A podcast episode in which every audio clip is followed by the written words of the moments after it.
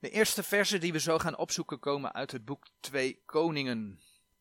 2 Koningen 22, 2 Koningen 23, 2 Koningen 24. Ja, we zijn bezig met een serie over moeilijkheden en veronderstelde onjuistheden in Gods woord.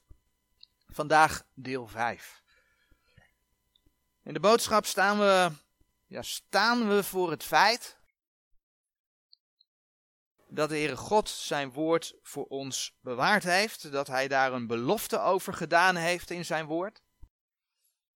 En we spreken heel vaak uit, ik spreek heel vaak uit dat de Heer God zijn woord bewaard heeft, maar als we in de schrift kijken, dan zien we heel vaak dat de Heer spreekt over zijn woorden.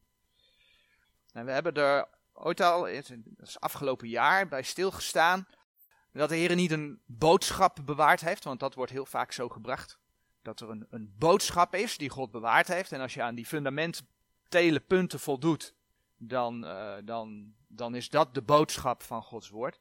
Maar God heeft niet kernpunten bewaard, God heeft zijn woorden bewaard. Psalm 12, vers 7 en 8 spreken daarover.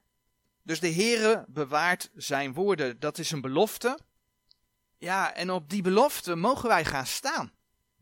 Net zo goed als de Heer God andere beloften in zijn woord doen, waar we op gaan staan, ook op die belofte mogen wij gaan staan. Nou, nu zijn mensen gewend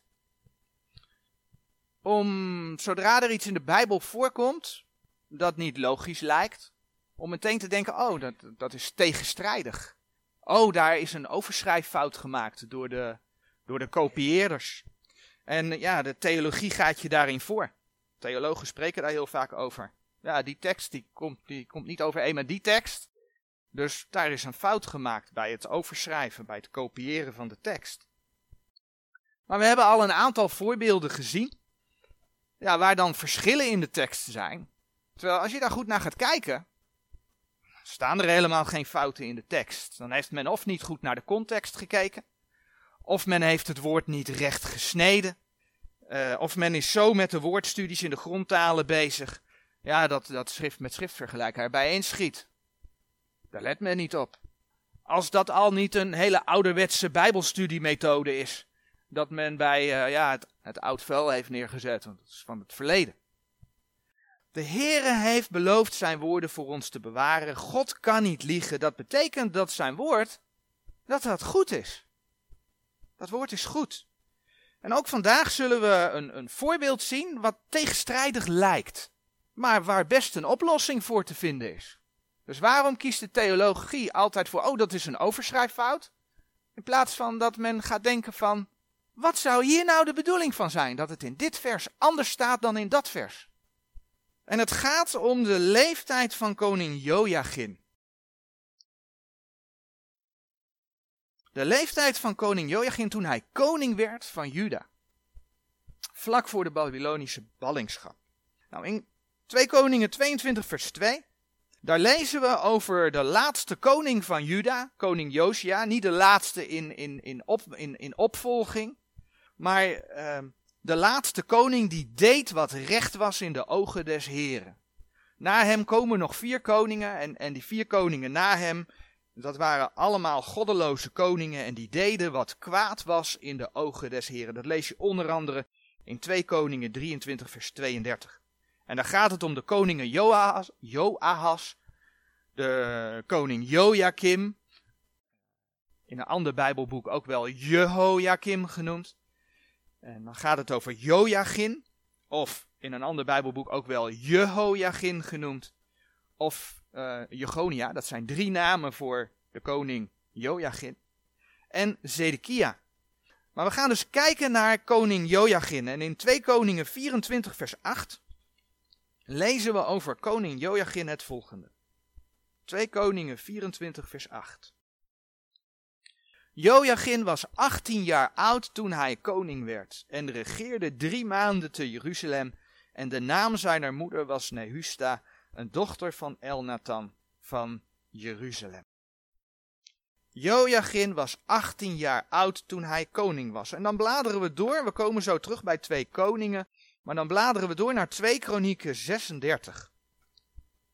Daar komen we dezelfde geschiedenis tegen over dezelfde koningen. Maar we lezen opeens in 2 Kronieken 36 vers 9 het volgende. Acht jaar was Jehoiachin oud als hij koning werd en regeerde drie maanden en tien dagen te Jeruzalem en deed wat kwaad was in de ogen des Heren. Acht jaar.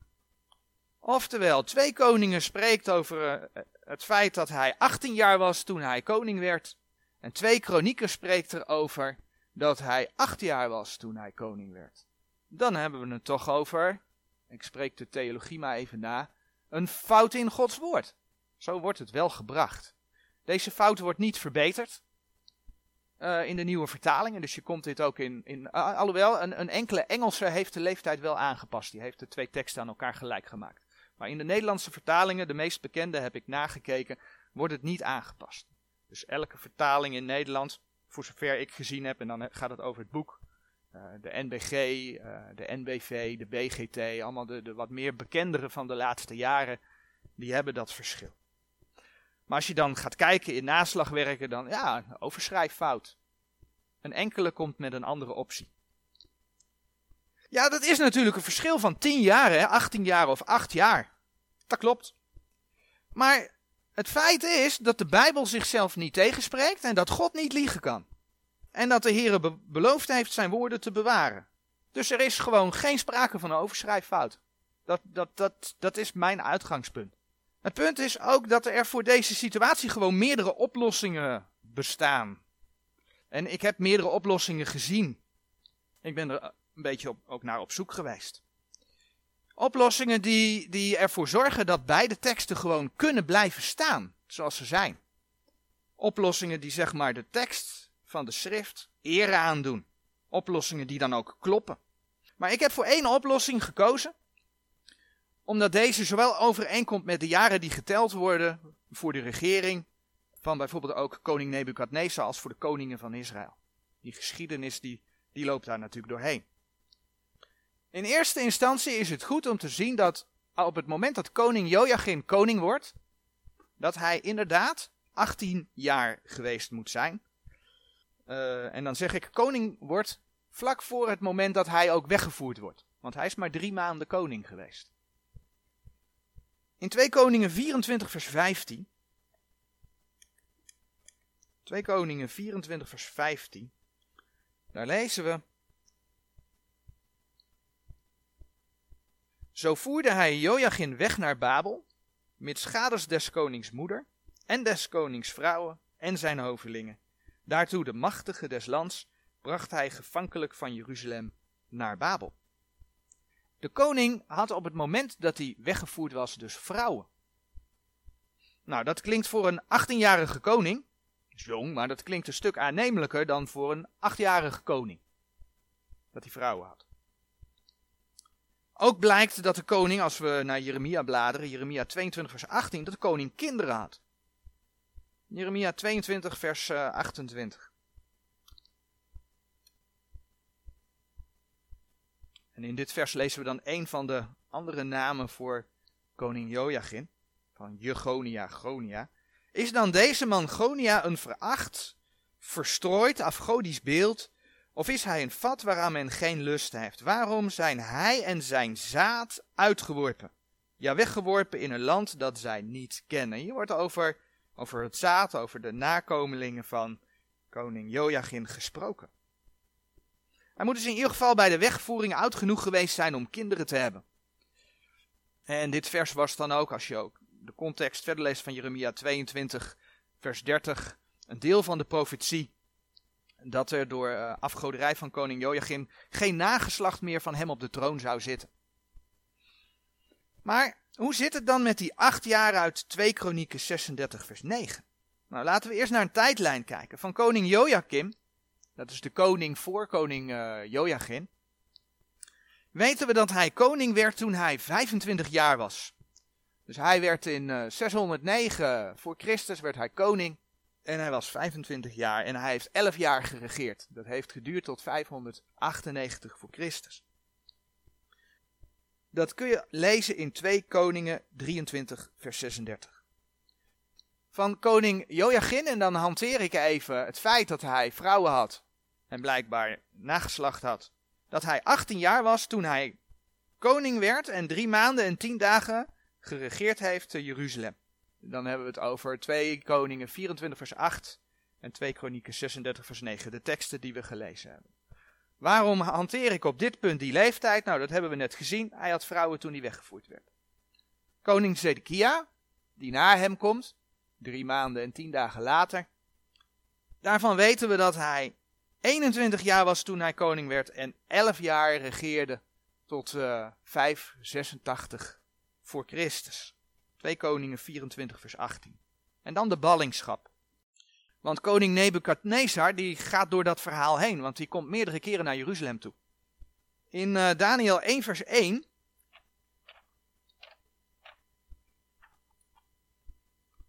lezen we wanneer uh, Nebukadnezar voor het eerst naar Juda kwam.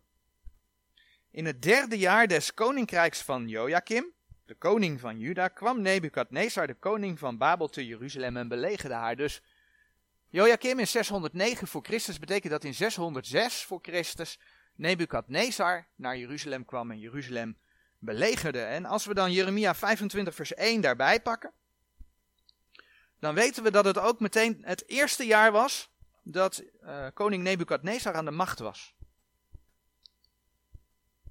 In Jeremia 25 vers 1 lezen we het woord dat tot Jeremia geschied is over het ganse volk van Juda in het vierde jaar van Joachim, zoon van Josia, koning van Juda. Dat was het eerste jaar van Nebukadrezar, koning van Babel. Nou, als je over jaren spreekt, een jaar loopt uit. Dus als hij in het derde jaar kwam, dan kan dat uitgelopen zijn, oh sorry, tot in het, voor Joachim het vierde jaar. Maar dat was dus Nebukadnezars eerste jaar. Koning Joachim regeerde elf jaar, stierf en werd opgevolgd door zijn zoon Joachim. Dat lezen we in 2 Koningen 24 vers 6. En dan blijkt uit 2 Koningen 24 vers 12 en die lees ik weer even voor. Dat Nebukadnezar in zijn achtste jaar opnieuw naar Jeruzalem komt en een einde maakt aan de regering van koning Joachim. 24 vers 12.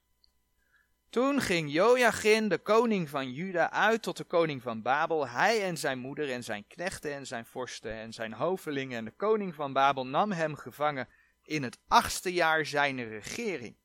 Je zou kunnen denken, het achtste jaar dat kan slaan op de regering van koning Joachim. Als je die tekst zo leest, zou dat kunnen. Maar gezien het feit dat Nebukadnezar in zijn eerste jaar naar Jeruzalem komt, als je dan acht jaar later zit, dan zit je precies in het elfde jaar, hè? want dit was in het derde jaar. 3 plus 8 is 11. Zit je in 598, 597 in dat gebied. In het elfde jaar van Joachim dat hij weggevoerd werd, dat, dat, dat uh, Joachim weggevoerd werd. Nou, hij heeft maar drie maanden aan de macht geweest. Dus dat plaatje, dat klopt gewoon. En dan hebben we een andere tekst in Jeremia 32 vers 1. Het woord dat tot Jeremia geschied is van de Heer in het tiende jaar van Zedekia, koning van Juda. Dit jaar was het achttiende jaar van Nebukadreza. Het tiende jaar van Zedekia, dan kom je in 587 zit je in het achttiende jaar. Ja, dat klopt. 10 plus 8 is 18. Dus klopt ook. Nou, bijbelse feiten zijn dan ook nog hè, dat Zedekia dus uh, 11 jaar regeert. En dat hij in 586 voor Christus, dat dat dan eindigt. En dat het uh, volk helemaal in ballingschap gevoerd wordt. 2 Kronieken 36 vers 17 en 2 Koningen 25 vers 1 en 2 spreken daarover. Maar wat gebeurde er in de geschiedenis? Toen koning Josia stierf, dus de koning die nog weer hiervoor zat. Toen koning Josia, die, die koning die nog goed was, zeg maar, die, die deed wat de Heer wilde. Die stierf door toedoen van koning, uh, koning van Farao Necho. Lees je onder andere in 2 Koningen 23 vers 29.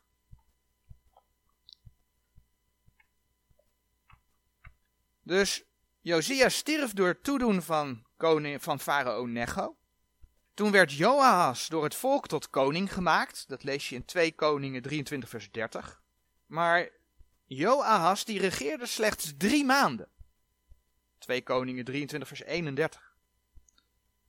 En toen werd Joahas door farao Necho naar Egypte gebracht en daar stierf hij. Dat lees je in 2 Koningen 23, vers 33 en 34. En dan lees je dat de farao, Eliakim, die dan Joachim genoemd wordt, dat is de eerste in dit schemaatje, dat de farao die tot koning maakt. En ondertussen weten we dus dat in het derde jaar van Joachim Nebukadnezar alweer op de stoep staat. We hebben net het hele verhaal van Egypte gehad, die de koning doodt, een koning aanstelt, koning gevangen weer wegvoert.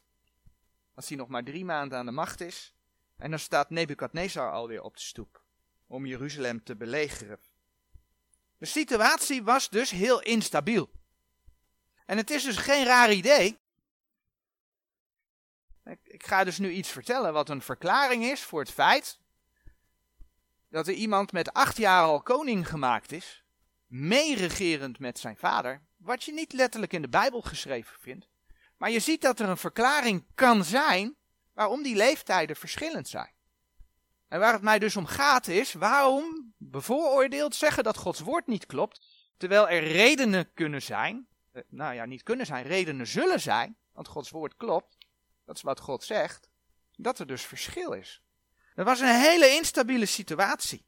En het was geen raar idee als koning Joachim, om te voorkomen dat er een vreemde heerser opnieuw een koning over Juda zou stellen, dat hij zijn zoon reeds in zijn leven met hem liet meeregeren en hem tot koning zalfde.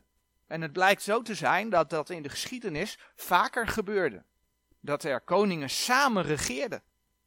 Met andere woorden, in het eerste jaar, of misschien net het tweede jaar van zijn regering, heeft Joachim zijn zoon tot koning gemaakt. En die twee hebben zo'n tien jaar samen geregeerd.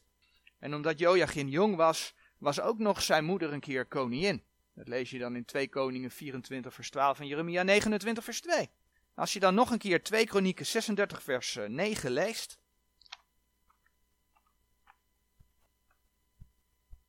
Dan staat daar, acht jaar was Jehoiachin oud als hij koning werd. En regeerde drie maanden en tien dagen te Jeruzalem en deed wat kwaad was in de ogen des Heren. Hij was weliswaar acht jaar oud toen hij koning werd. Alleen hij regeerde, en dat openbaart dan 2 Koningen 24 vers 8, tien jaar samen met zijn vader. Hij had niet de, alleen, de, de, de alleenheerschappij.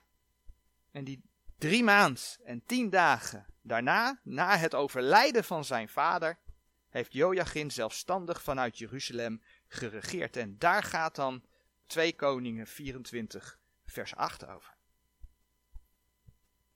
Ik heb nog enkele andere oplossingen gelezen, voorbij zien komen. Maar ik vond deze gewoon helder en hij klopte binnen de jaren. Bij enkele kwam ik tegen dat ik dacht, ja, maar wat dat vers dan en, en, en dat vers.